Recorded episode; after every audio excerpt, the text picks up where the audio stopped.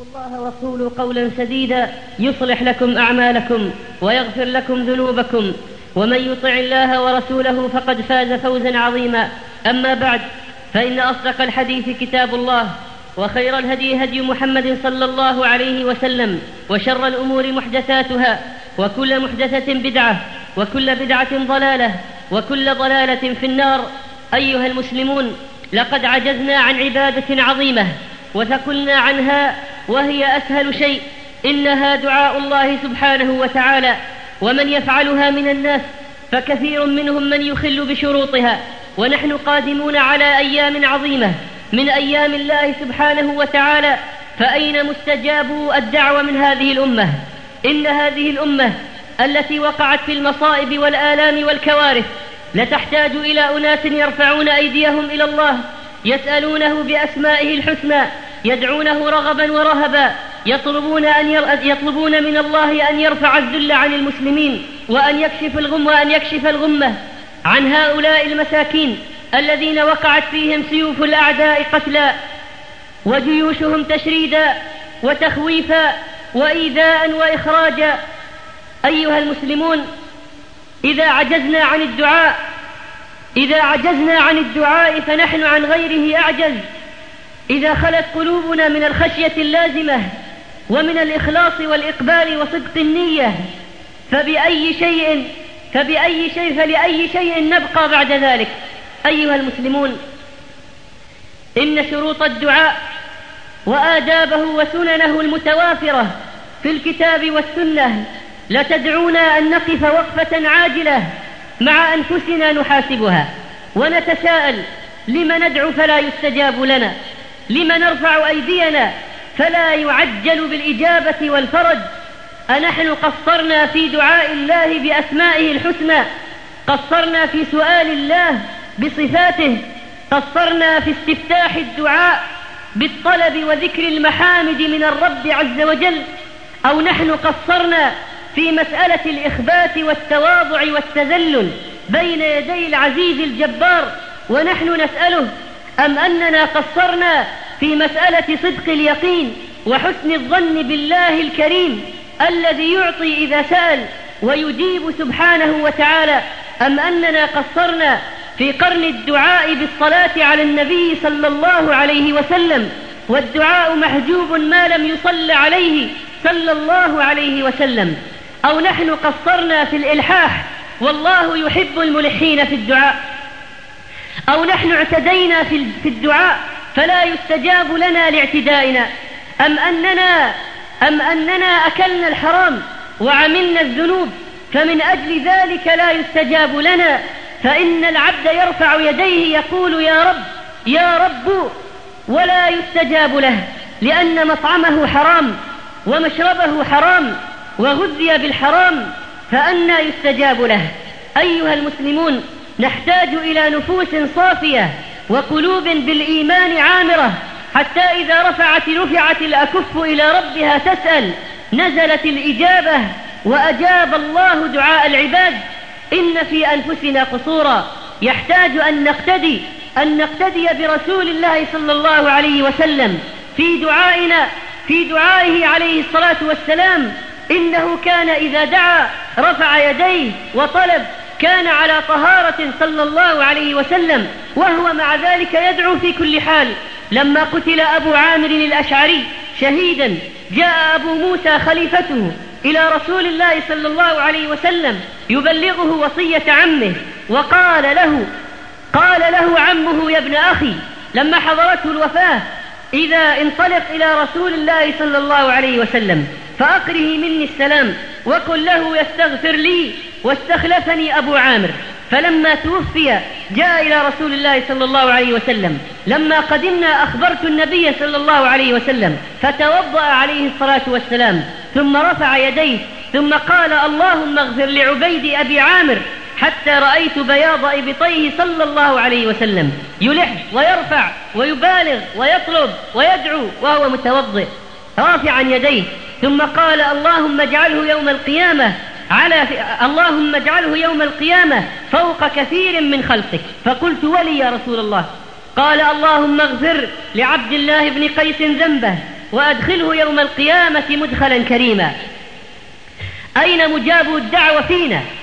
أين أولياء الله الذين إذا طلبوا أجيبوا وإذا دعوا أعطوا؟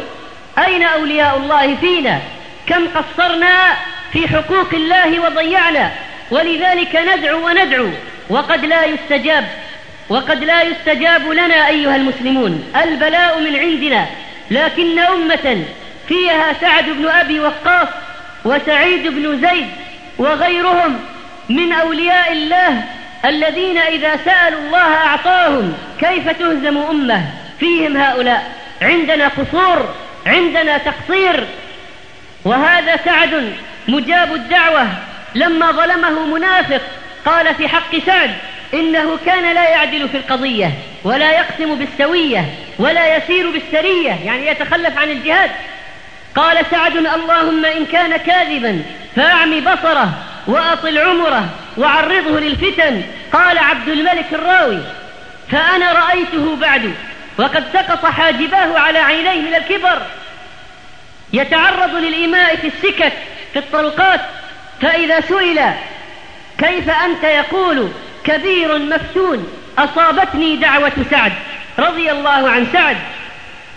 سعيد بن زيد الصحابي الجليل الذي اتهمته امرأة ظلما أنه أخذ شيئا من أرضها فقال أنا كنت آخذ من أرضها شيئا بعد الذي سمعت من رسول الله صلى الله عليه وسلم سمعته يقول من أخذ شيئا من الأرض طوقه إلى سبع أراضين يوم القيامة حول عنقه. ثم قال اللهم إن كانت كاذبة فأعمي بصرها واقتلها في أرضها فما ماتت حتى عميت وبينما هي تمشي في أرضها إذ وقعت في حفرة فماتت. أم فيها أولياء الله مثل أبو معاوية الأسود رحمه الله. غزا فحضر المسلمون حصارا حاصروا حصنا فيه علج من الكفار. لا يرمي بحجر ولا نشاب إلا أصاب. فشكوا إلى أبي معاوية فقرأ وما رميت إذ رميت ولكن الله رمى. فلما وقف قال أين تريدون بإذن الله؟ قالوا المذاكير. فقال أي رب قد سمعت ما سألوني فأعطني ذلك. بسم الله ثم رمى المذاكير فوقع العلج وانتهى شره. أمة فيها أولياء لله. مثل مطرف بن عبد الله بن الشخير وغيره من السلف الذين كانوا إذا دعوا أعط إذا دعوا أجيبوا إذا دعوا أجيبوا. كان بينه وبين رجل كلام فكذب عليه وافترى فقال اللهم إن كان كاذبا فأمته فخر ميتا مكانه في الحال. فرفع إلى الوالي فقال قتلت الرجل؟ قال لا ولكنها دعوة وافقت أجله. وهذا سعيد بن المسيب ولي من أولياء الله. قال صاحب له رأيت وجه زنجي وجسده أبيض. فقال سعيد إن هذا سب هؤلاء طلحة والزبير وعلي رضي الله عنهم. فنهيته فأبى فدعوت الله عليه. قلت له إن كنت كاذبا فسود الله وجهك. فخرجت بوجهه قرحة فاسود وجهه. أمة فيها أمثال الإمام أحمد رحمه الله. كيف يتسلط عليها؟ بل إنهم بهم يستسقى الغمام وبهم يجاب تجاب الأمة ويثبت الله الناس. حدثنا علي بن فزار جارنا يقول عباس الدوري كانت لي مقع... كانت أمي, أمي مقعدة منذ عشرين سنة فقالت لي يوما اذهب إلى أحمد بن حنبل فسله أن يدعو لي فأتيته فدققت عليه وهو في دهليزه. فقال من هذا؟ قلت رجل سألتني أمي وهي مقعدة أن أسألك الدعاء فسمعت كلامه كلام رجل مغضب. انظروا إلى تواضع الإمام أحمد. فقال نحن أحوج أن تدعو الله لنا. فوليت منصرفا فخرجت عجوز من البيت فقالت اطمئن تركته يدعو تركته يدعو الله يدعو من ورائك بعد ما انصرفت فجئت إلى بيتنا فدققت الباب فخرجت إلي أمي على رجليها تمشي. هذا الذي دعا ربه أن لا يلقى المأمون فمات المأمون قبل أن يقدم عليه. أيها المسلمون إن فينا من القصور والتقصير أشياء كثيرة. فينا عيوب فينا ثغرات. لذلك فإن دعاءنا كثيرا لا يستجاب. منعناه بأنفسنا. ونحن قادمون على هذه العشر. عشر ذي الحجة. أيام الله ومن يعظم شعائر الله فإنها من تقوى القلوب. قال الله واذكروا الله في أيام معدودات وقال الله عز وجل ليشهدوا منافع لهم ويذكروا الله في أيام معلومات على ما رزقهم من بهيمة الأنعام. فكلوا منها وأطعموا البائس الفقير قال عبد الله بن عباس ترجمان القرآن رضي الله عنه الأيام المعدودات أيام التشريق والأيام المعلومات أيام عشر من ذي الحجة. فنحن قادمون إذن على أيام معلومات وأيام معدودات. الأيام المعلومات عشر ذي الحجة العظيمة والأيام المعدودات أيام التشريق. أيام ذكر الله أوصانا الله بها في الكتاب أوصانا بالمعدودات والمعلومات. المعدودات والمعلومات لنذكر الله فيها. لنذكر الله عز وجل في هذه الأيام أيام عشر ذي الحجة وما بعدها من أيام التشريق مناسبة عظيمة لمغفرة الذنوب والاستكثار من الحسنات وزيادة الرصيد من الطاعات. أفضل أيام الدنيا أيام العشر. قال رسول الله صلى الله عليه وسلم قال عليه الصلاة والسلام ما العمل في أيام العشر أفضل من العمل في هذه؟ قالوا ولا الجهاد. قال ولا الجهاد إلا رجل خرج يخاطر بنفسه وماله فلم يرجع بشيء. وعن أبي عبد الله بن عمرو حدثنا عبد الله بن عمرو بن العاص ونحن نطوف بالبيت. قال قال رسول الله صلى الله عليه وسلم ما من أيام العمل ما من أيام أحب إلى الله العمل فيهن من هذه الأيام. قيل ولا الجهاد في سبيل الله؟ قال ولا الجهاد في سبيل الله إلا من خرج بنفسه وماله ثم لم يرجع حتى تراق مهر حتى تراق مهجة دمه.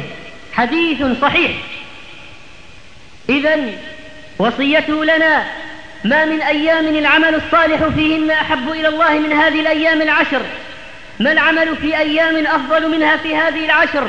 وصية منه صلى الله عليه وسلم. ماذا قال؟ قال ما من أيام أعظم عند الله ولا أحب إليه العمل فيهن من هذه في هذه الأيام عشر ذي الحجة أو قال العشر فأكثروا فيهن من التسبيح والتهليل والتكبير والتحميد. حديث حسن. هذه أفضل أيام السنة على الإطلاق. وإن كانت ليالي رمضان أفضل الأخيرة فإن الأيام من جهة النهار أيام عشر ذي الحجة أفضل. هذه الأيام التي كان الصحابة يجتهدون فيها بالعبادة. قال أهل العلم من نذر فقال في نذره لأصومن أفضل يوم في السنة. نفلا لزمه وتعين عليه أن يصوم يوم عرفة. هذه الأيام التي استدل بأهل العلم بحديثها على الإكثار من الطاعات حتى الصيام. لماذا صارت هذه الأيام أفضل الأيام على الإطلاق؟ الجواب أنه يجتمع في عشر ذي الحجة من العبادات ما لا يجتمع في غيرها. أمهات العبادات الصلاة الصيام الصدقة الحج ولا يتأتى هذا الاجتماع في غير هذه الأيام. على رأس العبادات الحج. يا أيها الناس الذين لم يذهبوا لفريضة الحج عجلوا الخروج إلى مكة فإن أحدكم لا يدري ما يعرض له من مرض أو حاجة. المرأة إذا تمكنت من الحج وعندها محرم لا يلزمها طاعة زوجها في حج الفريضة. والامتحانات ليست عذرا للطلاب في ترك حج الفريضة يجب عليهم أن يذهبوا لحج الفريضة. هذا موسم عظيم مقادمون عليه حج بيت الله الحرام. قال عليه الصلاة والسلام في فضل الحج لأحد الصحابة أما خروجك من بيتك تأم البيت الحرام فإن لك بكل وطأة تطأها راحلتك يكتب الله لك بها حسنة ويمحو عنك بها سيئة. وأما وقوفك بعرفة فإن الله عز وجل ينزل إلى السماء الدنيا فيباهي بهم الملائكة. فيقول عبادي جاءوني شعثا غبرا من كل فج عميق يرجون رحمتي ويخافون عذابي. ولم يروني فكيف لو رأوني؟ فلو كان عليك مثل رمل عالي أو مثل أيام الدنيا أو مثل قطر السماء ذنوبا غسلها الله عنك وأما رميك الجمار فإنه مدخور لك. وأما حلقك رأسك فإن لك بكل شعرة تسقط حسنة. فإذا طفت بالبيت خرجت من ذنوبك كيوم ولدتك أمك. حجوا يا عباد الله. من ملك الزاد والراحل والنفق الفائض عن حاجته وحاجة عياله أثناء غيابه وفاضلا عن قضاء الدين وكفاراته ونحوها من الديون لله وللعبيد ووجدت المرأة المحرم وجب عليه الحج. وجب عليه الحج وإن كان يخشى على نفسه من الوقوع في الحرام قدم النكاح وإن كان لا يخشى قدم الحج على النكاح. أديم الحج والعمرة فإنهما ينفيان الفقر والذنوب كما ينفي الكير خبث الحديد. إن الله تعالى يقول في الحديث القدسي إن عبدا أصححت له جسمه ووسعت عليه في معيشته تمضي عليه خمسة أعوام لا يفد إلي لمحروم. لا يفد إلي لمحروم محروما من أي شيء. ما أهل مهل قط ولا كبر مكبر قط إلا بشر بالجنة. ما ترفع إبل الحاج رجلا ولا تضع يدا إلا كتب الله له بها حسنة أو محى عنه سيئة أو رفعه بها درجة. من طاف بالبيت سبعا وصلى ركعتين كان كعتق رقبة. الذين لم يحجوا الفريضة وهم مستطيعون تهددهم الله بقوله ولله على الناس حج البيت من استطاع إليه سبيلا. ومن كفر فإن الله غني عن العالمين. الذين يأنفون من الحج لما فيه من الحر والمشقة والغبار وخشية انتقال الأمراض والميكروبات هؤلاء لا خلق لهم عند الله. من كان حين تصيب الشمس جبهته أو الغبار يخاف الشين والشعثة ويألف الظل كي تبقى بشاشته فسوف يسكن يوما راغما جدثا. في قعر مظلمة غبراء موحشة يطيل في قعرها تحت تحت الثرى اللبثة. تحت الثرى اللبثة تجهزي تجهزي تجهزي. بجهاز تبلغون تبلغين به. يا نفس قبل الردى لم تخلقي عبثا. أيها المسلمون هذه الأيام العظيمة أعطوها حقها والذي لم يحج يذهب للحج. حجوا يا عباد الله كم كان الحج سببا في مغفرة ذنوب وقضاء ديون. نسأل الله سبحانه وتعالى أن يجعل لهذه الأمة في أيام العشر فرجا. اللهم اجعل لنا في أيامنا هذه خيرا ومغفرة ورزقا وكفارة وعتقا من نار جهنم يا رب العالمين. أقول قولي هذا وأستغفر الله لي ولكم فاستغفروه إنه غفور رحيم وتقدموا وافتحوا لإخوانكم الواقفون. يفتح الله لكم. الحمد لله لا إله إلا هو وحده لا شريك له. له الملك وله الحمد وهو على كل شيء قدير. خلق فسوى وقدر فهدى وهو بكل شيء عليم. لا إله إلا هو رب الأولين والآخرين. مالك الملك ديان السماوات والأرضين. هو القائم على كل نفس بما كسبت. لا معقب لحكمه. وهو أسرع الحاسبين. لا تدركه الأبصار وهو يدرك الأبصار وهو اللطيف الخبير. ما تخرج ما تسقط من ورقة إلا يعلمها ولا حبة في ظلمات الأرض ولا رطب ولا يابس إلا في كتاب مبين. سبحانه وتعالى العزيز الرحيم الغفور الملك القدوس. وصلى الله وسلم على نبينا محمد الرحمة المهداة والسراج المنير. نحبه ونفديه. ونفديه بكل شيء. هو أغلى مخلوق عندنا. صلى الله عليه صلى الله عليه وعلى آله وصحبه أجمعين وآله الطيبين الطاهرين. أيها المسلمون إن مما يتعلق بأحكام عشر ذي الحجة الأضحية وسنأتي عليها إن شاء الله وعلى بعض أحكامها في الخطبة القادمة. لكن هناك أمر مهم. ينبغي معرفته قبل الدخول في العشر وهو يتعلق بالأضحية. فنقدم ذكره ها هنا لمناسبته. قال صلى الله عليه وسلم إذا دخل العشر وأراد أحدكم أن يضحي فلا يمس من شعره ولا من بشره شيئا. إذا رأيتم هلال ذي الحجة وأراد أحدكم أن يضحي فليمسك عن شعره وأظفاره. من رأى منكم هلال ذي الحجة وأراد أن يضحي فلا يأخذن من شعره ولا من أظافره حتى يضحي. من كان له ذبح يذبحه فإذا أهل هلال ذي الحجة فلا يأخذن من شعره ولا من أظفاره شيئا حتى يضحي. هذا الحكم الواضح. الامتناع عن أخذ الظفر والشعر أيا كان. في أي مكان كان من الجسد لا يجوز أخذه. والبشرة هذا الجلد مثل الجلد حول الأظافر. وجلد القدمين وغيرها وجلد الشفة ونحوه من البشرة لا يجوز أخذه في هذه الأيام لمن أراد أن يضحي ودخلت عليه العشر وعنده نية الأضحية.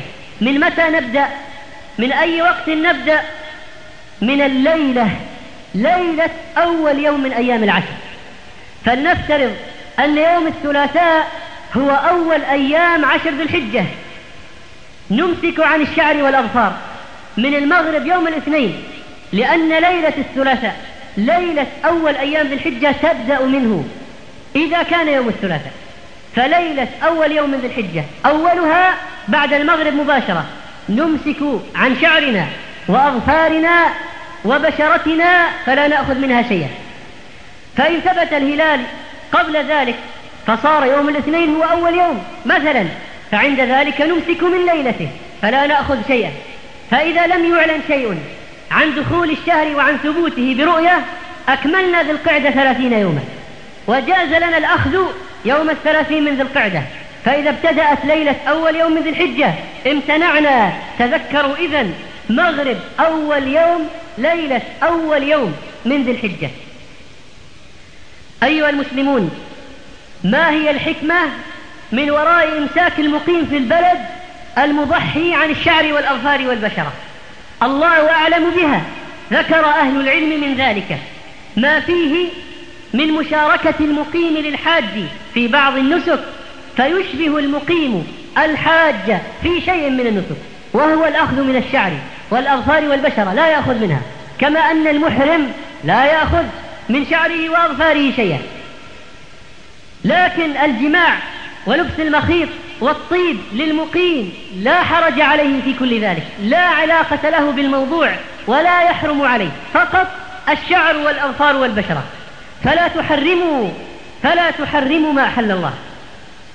أيها المسلمون انتبهوا إذن للأخذ من الشعر والأظفار اللازم أخذها كشعر الإبط وحلق العانة وتقصير الأظفار إذن قبل دخول العشر.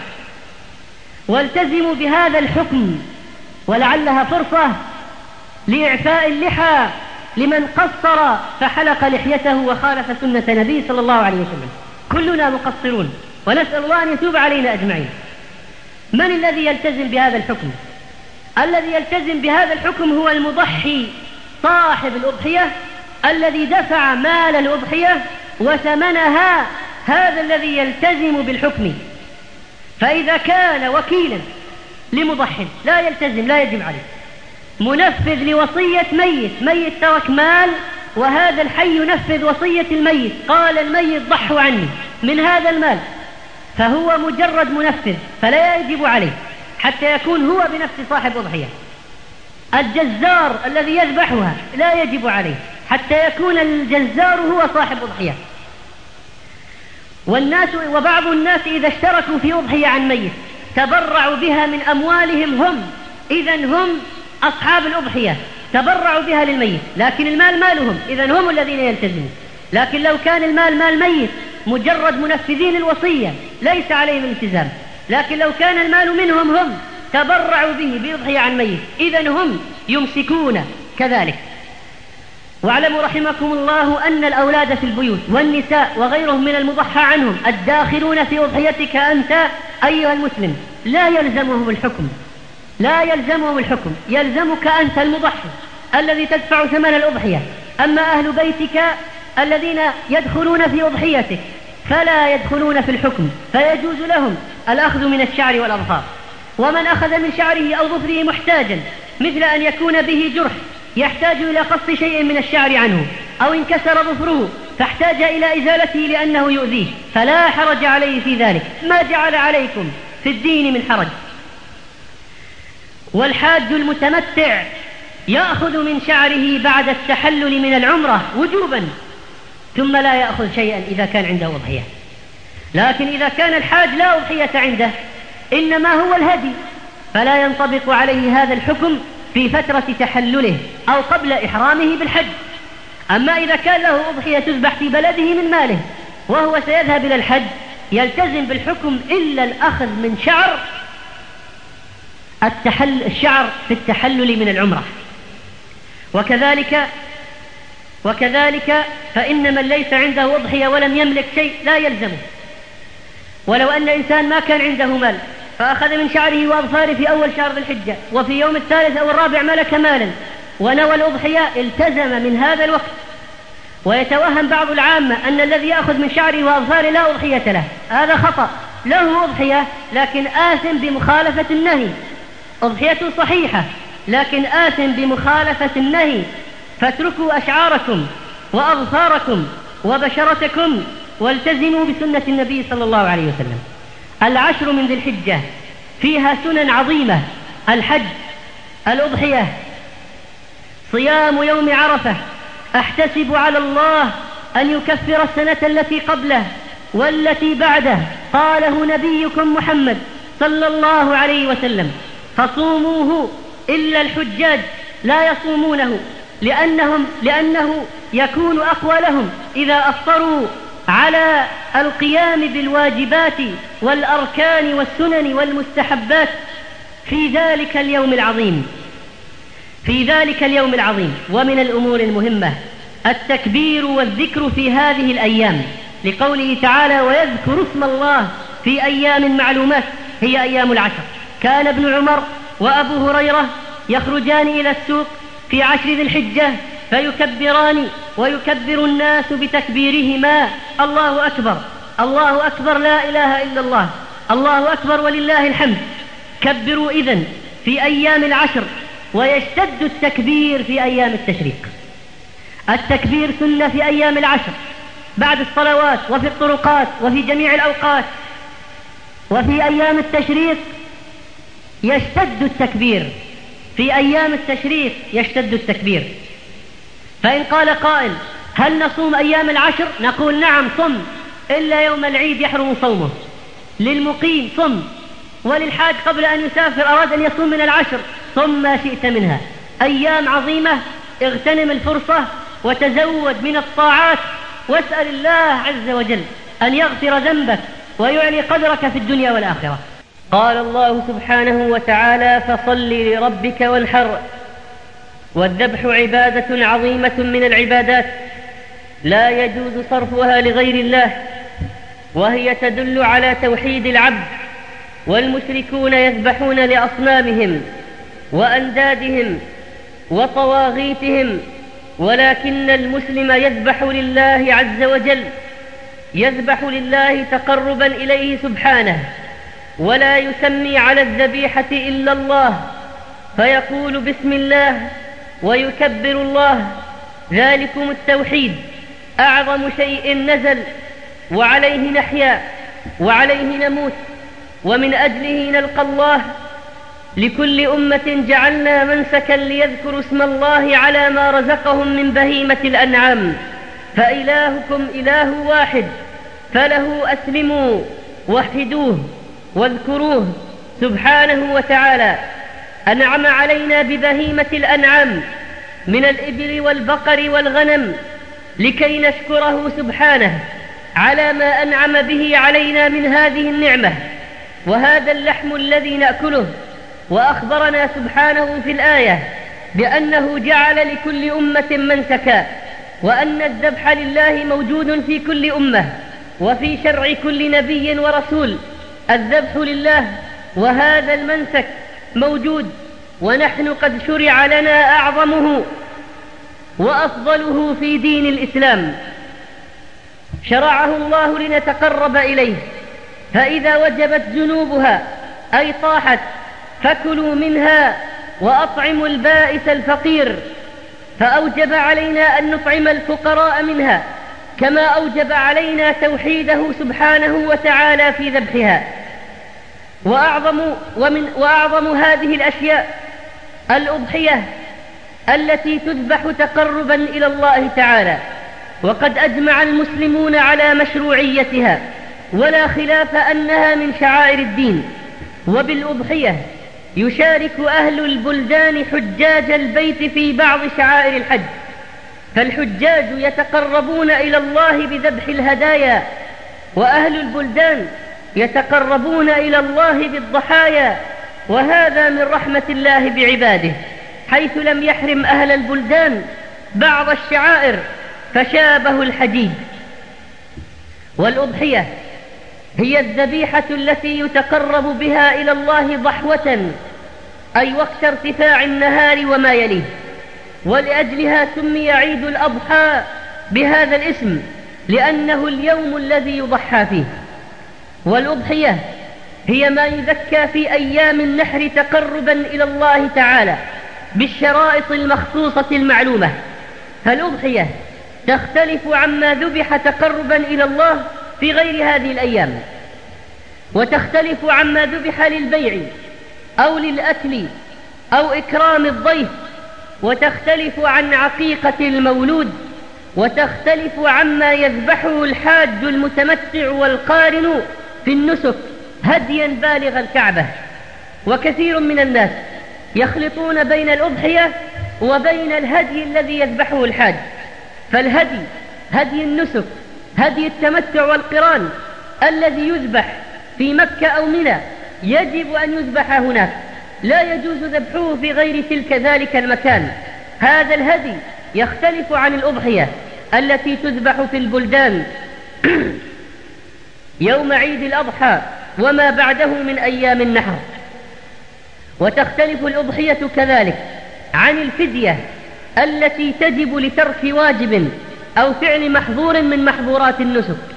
فالفدية تجب على من جاوز الميقات بغير إحرام والهدي للتمتع أو القران والأضحية ما يذبحه أهل البلدان بالشرائط المخصوصة.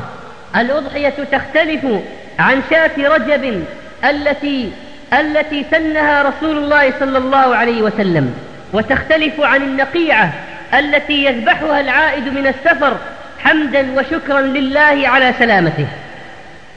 شرعت الأضحية في السنة الثانية للهجرة وهي شكر لله تعالى على نعمة الحياة إلى هذا الوقت الذي جاء فيه الذي جاءت الأضحية فيه. وإحياء لسنة إبراهيم الخليل عليه السلام وتذكير للمسلم بصبر إبراهيم وإسماعيل وإثارهما طاعة الله تعالى ومحبته على محبة الوالد والولد.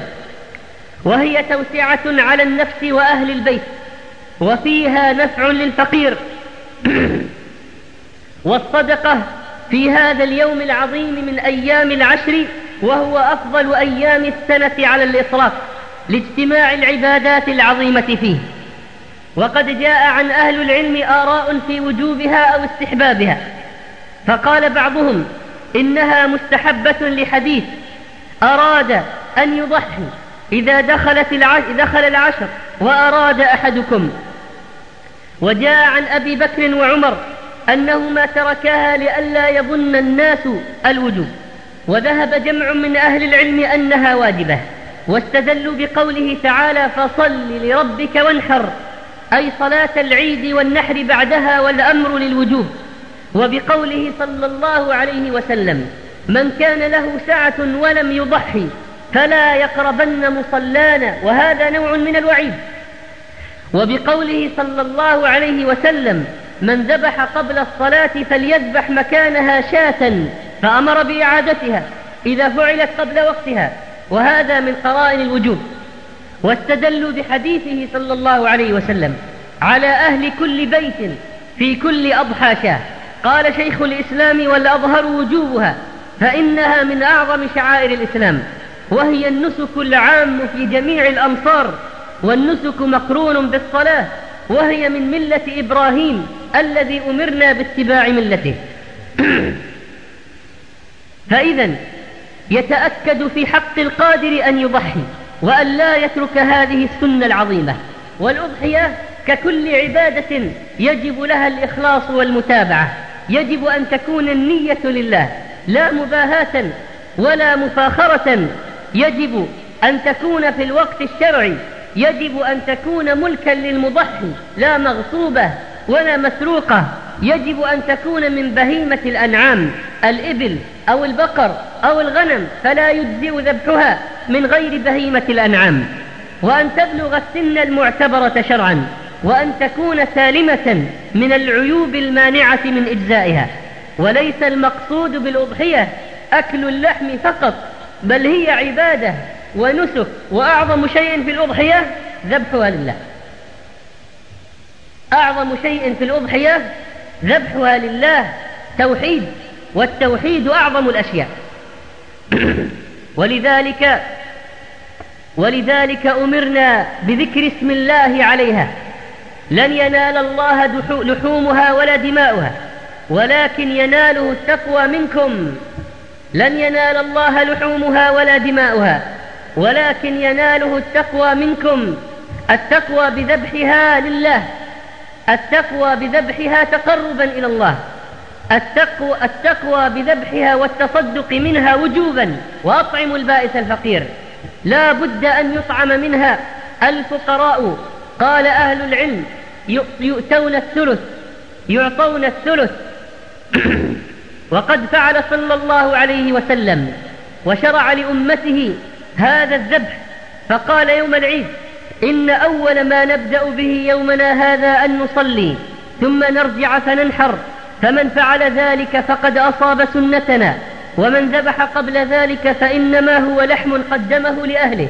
وليس من النسك في شيء ليس من النسك في شيء. فلا يجزئ الذبح قبل تمام صلاة العيد. وأما آخر وقت للذبح فهو غروب شمس آخر يوم من أيام التشريق وهو يوم الثالث عشر من ذي الحجة. فإذا غربت شمس ذلك اليوم انتهى وقت الذبح ويجوز الذبح في الليل والأحسن أن يكون في النهار. والأفضل أن يؤخر الذبح حتى تنتهي الخطبتان لفعله صلى الله عليه وسلم. وكذلك فإن أهل البادية وغيرهم من أهل من المسلمين في البلدان النائية الذين ليست لديهم صلاة عيد أضحى فإنهم يقدرون خروج المسلمين من صلاة عيد الأضحى في أقرب بلد إليهم ثم يذبحون بعد ذلك.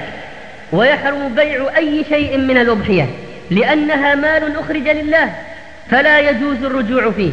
قال صلى الله عليه وسلم من باع جلد أضحيته فلا أضحية له ولا يعطى الجزار من الأضحية أجرة ولا جزءا من الأجرة لا من الجلد ولا من اللحم. كما جاء في الحديث المتفق عليه. عن علي أمرني رسول الله صلى الله عليه وسلم أن أقوم على بدنه يتوكل في ذبحها ولا أعطي الجازر منها شيئا وقال نحن نعطيه من عندنا. ولذلك ينتبه الذين يذهبون إلى المسالخ وغيرها. من طلب بعض الجزارين أخذ شيء من الأضحية مقابل الأجرة لا يجوز أن يعطيهم. وإنما يعطيهم الأجرة ثم إذا رأى أن يهديهم شيئا منها بعد الأجرة بغير اشتراط منهما قبل ذلك ولا ذكر لشيء من ذلك فإنه إذا أعطاه الأجرة جاز له بعد ذلك أن يعطيه الجلد ونحوه إذا كان سيرميه مثلا فينتفع منه مسلم. أما أن يكون أجرة أو جزء من الأجرة أو تم باشتراط أو اتفاق مسبق فلا يجوز ذلك. ويجوز أن يعطى الكافر منها لفقره أو قرابته أو جواره أو تأليف قلبه. ولا شك أن الأضحية والذبح أفضل من التصدق بثمن الأضحية.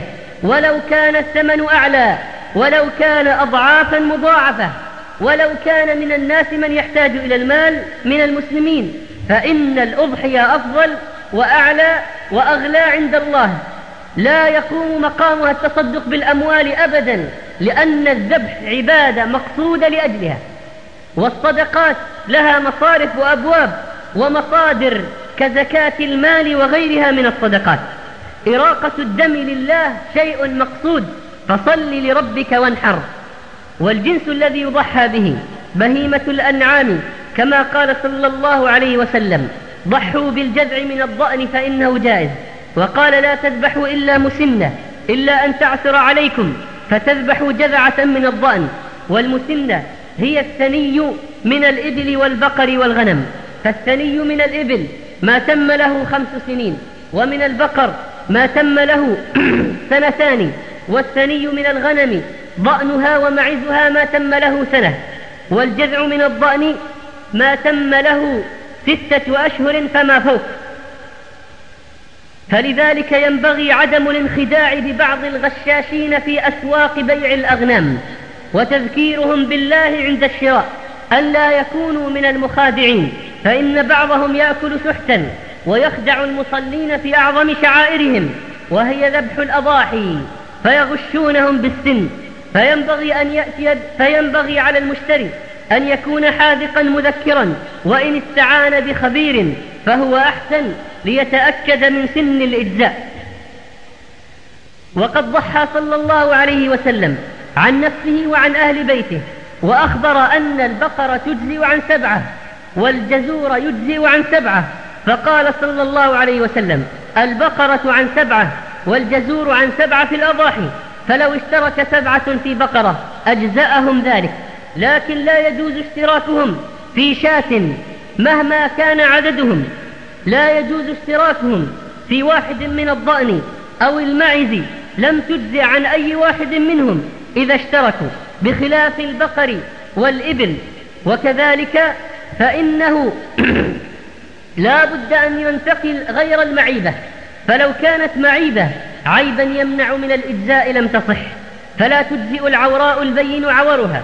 ولا المريضة البين مرضها ولا العرجاء البين عرجها ولا العجفاء التي لا مخ في عظامها لهزالها والعمياء والمبشومة والتي أخذتها الولادة والعاجز عن المشي للعاهة ومقطوعة اليدين والرجلين ومقطوع فهذه كلها مما لا يجوز ذبحه لا يتقرب إلى الله بمعيبة ويكره مقطوعة القرن أو الأذن أو مقطوعة الذنب أو مقطوعة الألية إلا ما لا ألية له أصلا فلا بأس من ذبحه والتقرب به إلى الله. ولا تذبح ساقطة الأسنان ولا مشقوقة الأذن ونحوها. وكلما كانت الأضحية أكمل في ذاتها وصفاتها كلما كانت أفضل وأكثر أجرا. عن عائشة أن رسول الله صلى الله عليه وسلم أمر بكبش أقرن يطأ في سواد رجله سوداء. ويبرك في سواد ركبته سوداء وينظر في سواد ما حول عينيه أسود فأتي به ليضحي به فقال يا عائشة هلم المدية ثم قال اشحذيها بحجر ففعلت ثم أخذها وأخذ الكبش فأضجعه ثم ذبحه ثم قال بسم الله اللهم تقبل من محمد وآل محمد ومن أمة محمد ثم ضحى به. وكذلك ورد أنه ضحى بكبشين أقرنين أملحين والأملح ما خالطه بياض وسواد. وهذه البشرى إليك أيها الفقير المسلم الذي لا تستطيع الأضحية ولا تقدر على ثمنها فتسقط عنك. هذه البشرى في حديث جابر. قال شهدت مع رسول الله صلى الله عليه وسلم الأضحى بالمصلى فلما قضى خطبته ونزل من منبره وأتي بكبش فذبحه رسول الله صلى الله عليه وسلم بيده وقال بسم الله والله أكبر هذا عني وعن من لم يضحي من أمتي فهنيئا لك بالبشرى وقد ضحى عنك رسول الله صلى الله عليه وسلم. ضحى عن من شهد بالتوحيد وله بالبلاغ ضحى عن فقراء أمته رحمة بهم صلى الله عليه وسلم.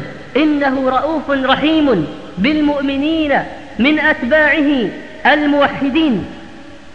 وكذلك فإن الأضحية تكفي عن الواحد وأهل بيته مهما كثروا كما سئل أبو أيوب كيف كانت الضحايا فيكم على عهد النبي صلى الله عليه وسلم؟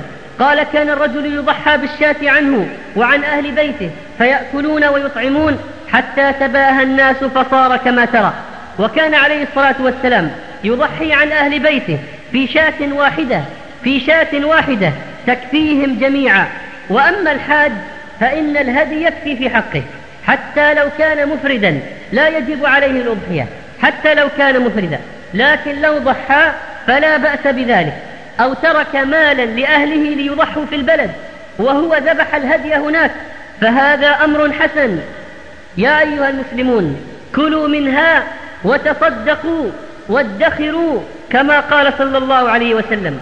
قال ليأكل كل رجل من أضحيته وكذلك أمر بإطعام الفقراء منها ولا يجوز بيعها ولا هبتها ولا تغييرها إذا كان قد عينها بالنية بالنية عند الشراء أو عند الذبح لم يعد أن يجوز يجوز له أن يذبح شيء أن يهدي شيئا منها بثمن أن يبيع شيئا منها أو أن يبيعها هي إلا إذا استبدلها بشيء أحسن. ولا يجوز استعمالها على نحو يضر بها. أو يعبث بها الأولاد فيؤذونها والأفضل أن يتصدق بحليبها ولا يجز صوفها وولدها له حكمها ولو ضاعت أو سرقت أو عيبت فإن كان بتفريط منه لزمه أن يستبدلها وإن كان بغير تفريط فلا شيء عليه ولا حرج إن شاء الله. اللهم إنا نسألك أن تجعلنا ممن يعظم شعائرك فإن تعظيم شعائرك من تقوى القلوب.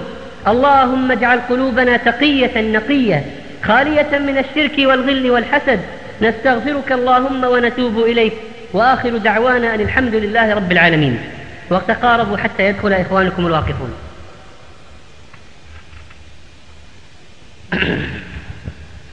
الحمد لله الذي لا إله إلا هو وحده لا شريك له. له الملك وله الحمد وهو على كل شيء قدير. هو الأول والآخر والظاهر والباطن وهو بكل شيء عليم. وصلى الله وسلم على نبينا محمد. رحمة للعالمين. أرسله الله وابتعثه. فعلمنا وأحسن تعليمنا. صلى الله عليه وسلم. وعلى آله وصحبه ومن تبعه. أيها المسلمون تكفي أضحية واحدة عن الرجل وأهل بيته. من الأحياء والأموات. يقول اللهم هذا عني وعن آل بيتي. فيدخل فيهم من الأحياء والأموات من أقاربه من الموحدين. ولو ضحى الرجل وضحت زوجته إن كانت موظفة مثلا وعندها سعة أو ضحى بعض أولاده أو كلهم كل واحد بمفرده فلا حرج في ذلك وهو خير وبر والحمد لله. ولو تبرع شخص لآخر بأضحية أو بقيمة أضحية فأهدى له شاة أو ثمنها جاز ذلك وكلاهما مأجور فيضحي بها. والناس المجتمعون في بيت إن كان أكلهم واحد وشربهم واحد وعيشتهم واحدة كفتهم ضحية واحدة مهما كان عددهم. فلو ضحى الرجل عن أهله وأولاده وزوجته وإخوانه الذين يعيشون معه في البيت وأبويه بضحية واحدة عمن يعيل وعمن ينفق عليهم كلهم فإن ذلك يكفي ولله الحمد. أما الناس المجتمعون في سكن واحد من العمال والموظفين الذين لا قرابة بينهم ولا ينفق أحد منهم على الآخرين فإن على كل واحد منهم أضحية إن استطاع. إن استطاع. ولا بأس أن يرسل بها إلى أهله في البلد الآخر الذي قدم منه فيذبحون هناك ويضحون. والحمد لله. أما الأضاحي عن الأموات فإنها على أنواع وأعلاها والسنة أن يشركهم في أضحيته كما فعل صلى الله عليه وسلم. هذا عني وعن آل بيتي. وكذلك إذا أوصى الميت وترك مالا يجب إنفاذ, إنفاذ وصيته. بغير تبديل فمن بدله فإنما إثمه على الذين يبدلونه. وإن تبرع الحي عن الميت بأضحية بغير وصية من الميت جاز له ذلك. لكن الخطأ أشد الخطأ أن يضحي الحي عن الميت وينسى نفسه فلا يضحي عن نفسه. هذا لا يصح. كيف ينسى نفسه ويعطي الأضحية للميت فقط؟ وكذلك إذا قصرت النفقة إذا قصر الثمن عن عن الأضحية. الذي تركه الميت فإن الحي يكمله من عنده إن أراد. وإن لم يفعل يبقيه إلى السنة التي بعدها. حتى يتسنى له شراء واحدة بالمال الذي تركه الميت. فإن كان المال لن يكفي والأضاحي في ازدياد وارتفاع مستمر تصدق بها في عشر ذي الحجة نيابة عن الميت. وعلى. وعلى القائم بالوصية أن ينفذ وصية الميت بالدقة. فلا يدخل فيها من لم يدخله الميت ولا يخرج منها أحدا أدخله الميت وهكذا. وأما الإمساك عن الشعر والأظفار والبشرة فهو واجب على الراجح حتى تذبح الأضحية. فإن لم تذبح إلا في اليوم الثاني عشر أو الثالث عشر لزمه الإمساك حتى ذلك الوقت فهو مشارك للحجاج في هذه المزية. وكذلك يبقى كامل الأجزاء حتى تذبح أضحيته رجاء أن يعتق من النار كاملا مكملا بشعره وأظهاره وأما لو انكسر له ظفر فآلمه أو جرح فاحتاج إلى أخذ شيء من البشرة أو الجلد فلا بأس بذلك فلا بأس بذلك. والحاج إذا كان متمتعا أو قارنا فأهدى يكفيه هديه ولا حاجة للأضحية. فإن ضحى جاز له ذلك. وإن خلف أضحية في أهله اتصل بهم أو تأكد حتى يأخذ من شعره وأظفاره. بعد أن تذبح أضحيته. ونقل الأضحية إلى البلدان الأخرى. ونقل الأضحية إلى البلدان الأخرى إذا كان سيقضي على السنة في البلد فهذا ممنوع. فأما إذا كان ينقل أضاحي عن أموات ويضحي هنا هو أو أنه ما استطاع أن يذبح أضحية لأن المال الذي عنده قليل لكن يستطيع أن يشتري أضحية في بلد آخر فهذا حسن لا بأس به. وإذا كان عندك أيها المسلم نفقة للعيال يوم العيد وتعارض عندك النفقة عن العيال مع الأضحية قدم نفقة العيال والحمد لله. قدم نفقة العيال والحمد لله.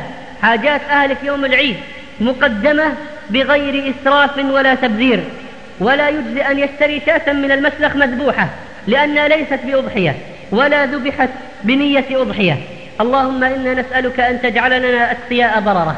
اللهم اجعلنا يوم القيامة مع السفرة الكرام البررة. اللهم اجعلنا ممن يدخلون الجنة بغير حساب. اللهم تب علينا إنك أنت التواب. اللهم اغفر لنا ولوالدينا ولجميع الموحدين. اللهم اجعلنا ممن يقف عند حدودك فلا ينتهكوها. اللهم إنا نسألك أن تغفر لنا في هذا اليوم العظيم في هذا الجمع العظيم. اللهم إنا نسألك أن تتوب علينا وأن تؤتينا هدانا وأن تعيننا على أنفسنا وعلى ذكرك وشكرك وحسن عبادتك. واذكروا أيها المسلمون اذكروا إخوانكم الذين يذبحون ذبح النعاد الذين يضحى بهم على عتبة الصليب. الذين الذين أخرجوا من ديارهم بغير حق إلا أن يقولوا ربنا الله. اللهم إنا نسألك أن تكون معهم وأن تحميهم وتحفظهم اللهم كن معهم وانصرهم على أعدائهم. اللهم قي شر البلاد والعباد فتن وشرور الكفرة المشركين واليهود والصليبيين. اللهم ارفع علم الجهاد اللهم انشر رحمتك على العباد. إنك إليك المعاد يا أرحم الراحمين. وقوموا إلى صلاتكم يرحمكم الله.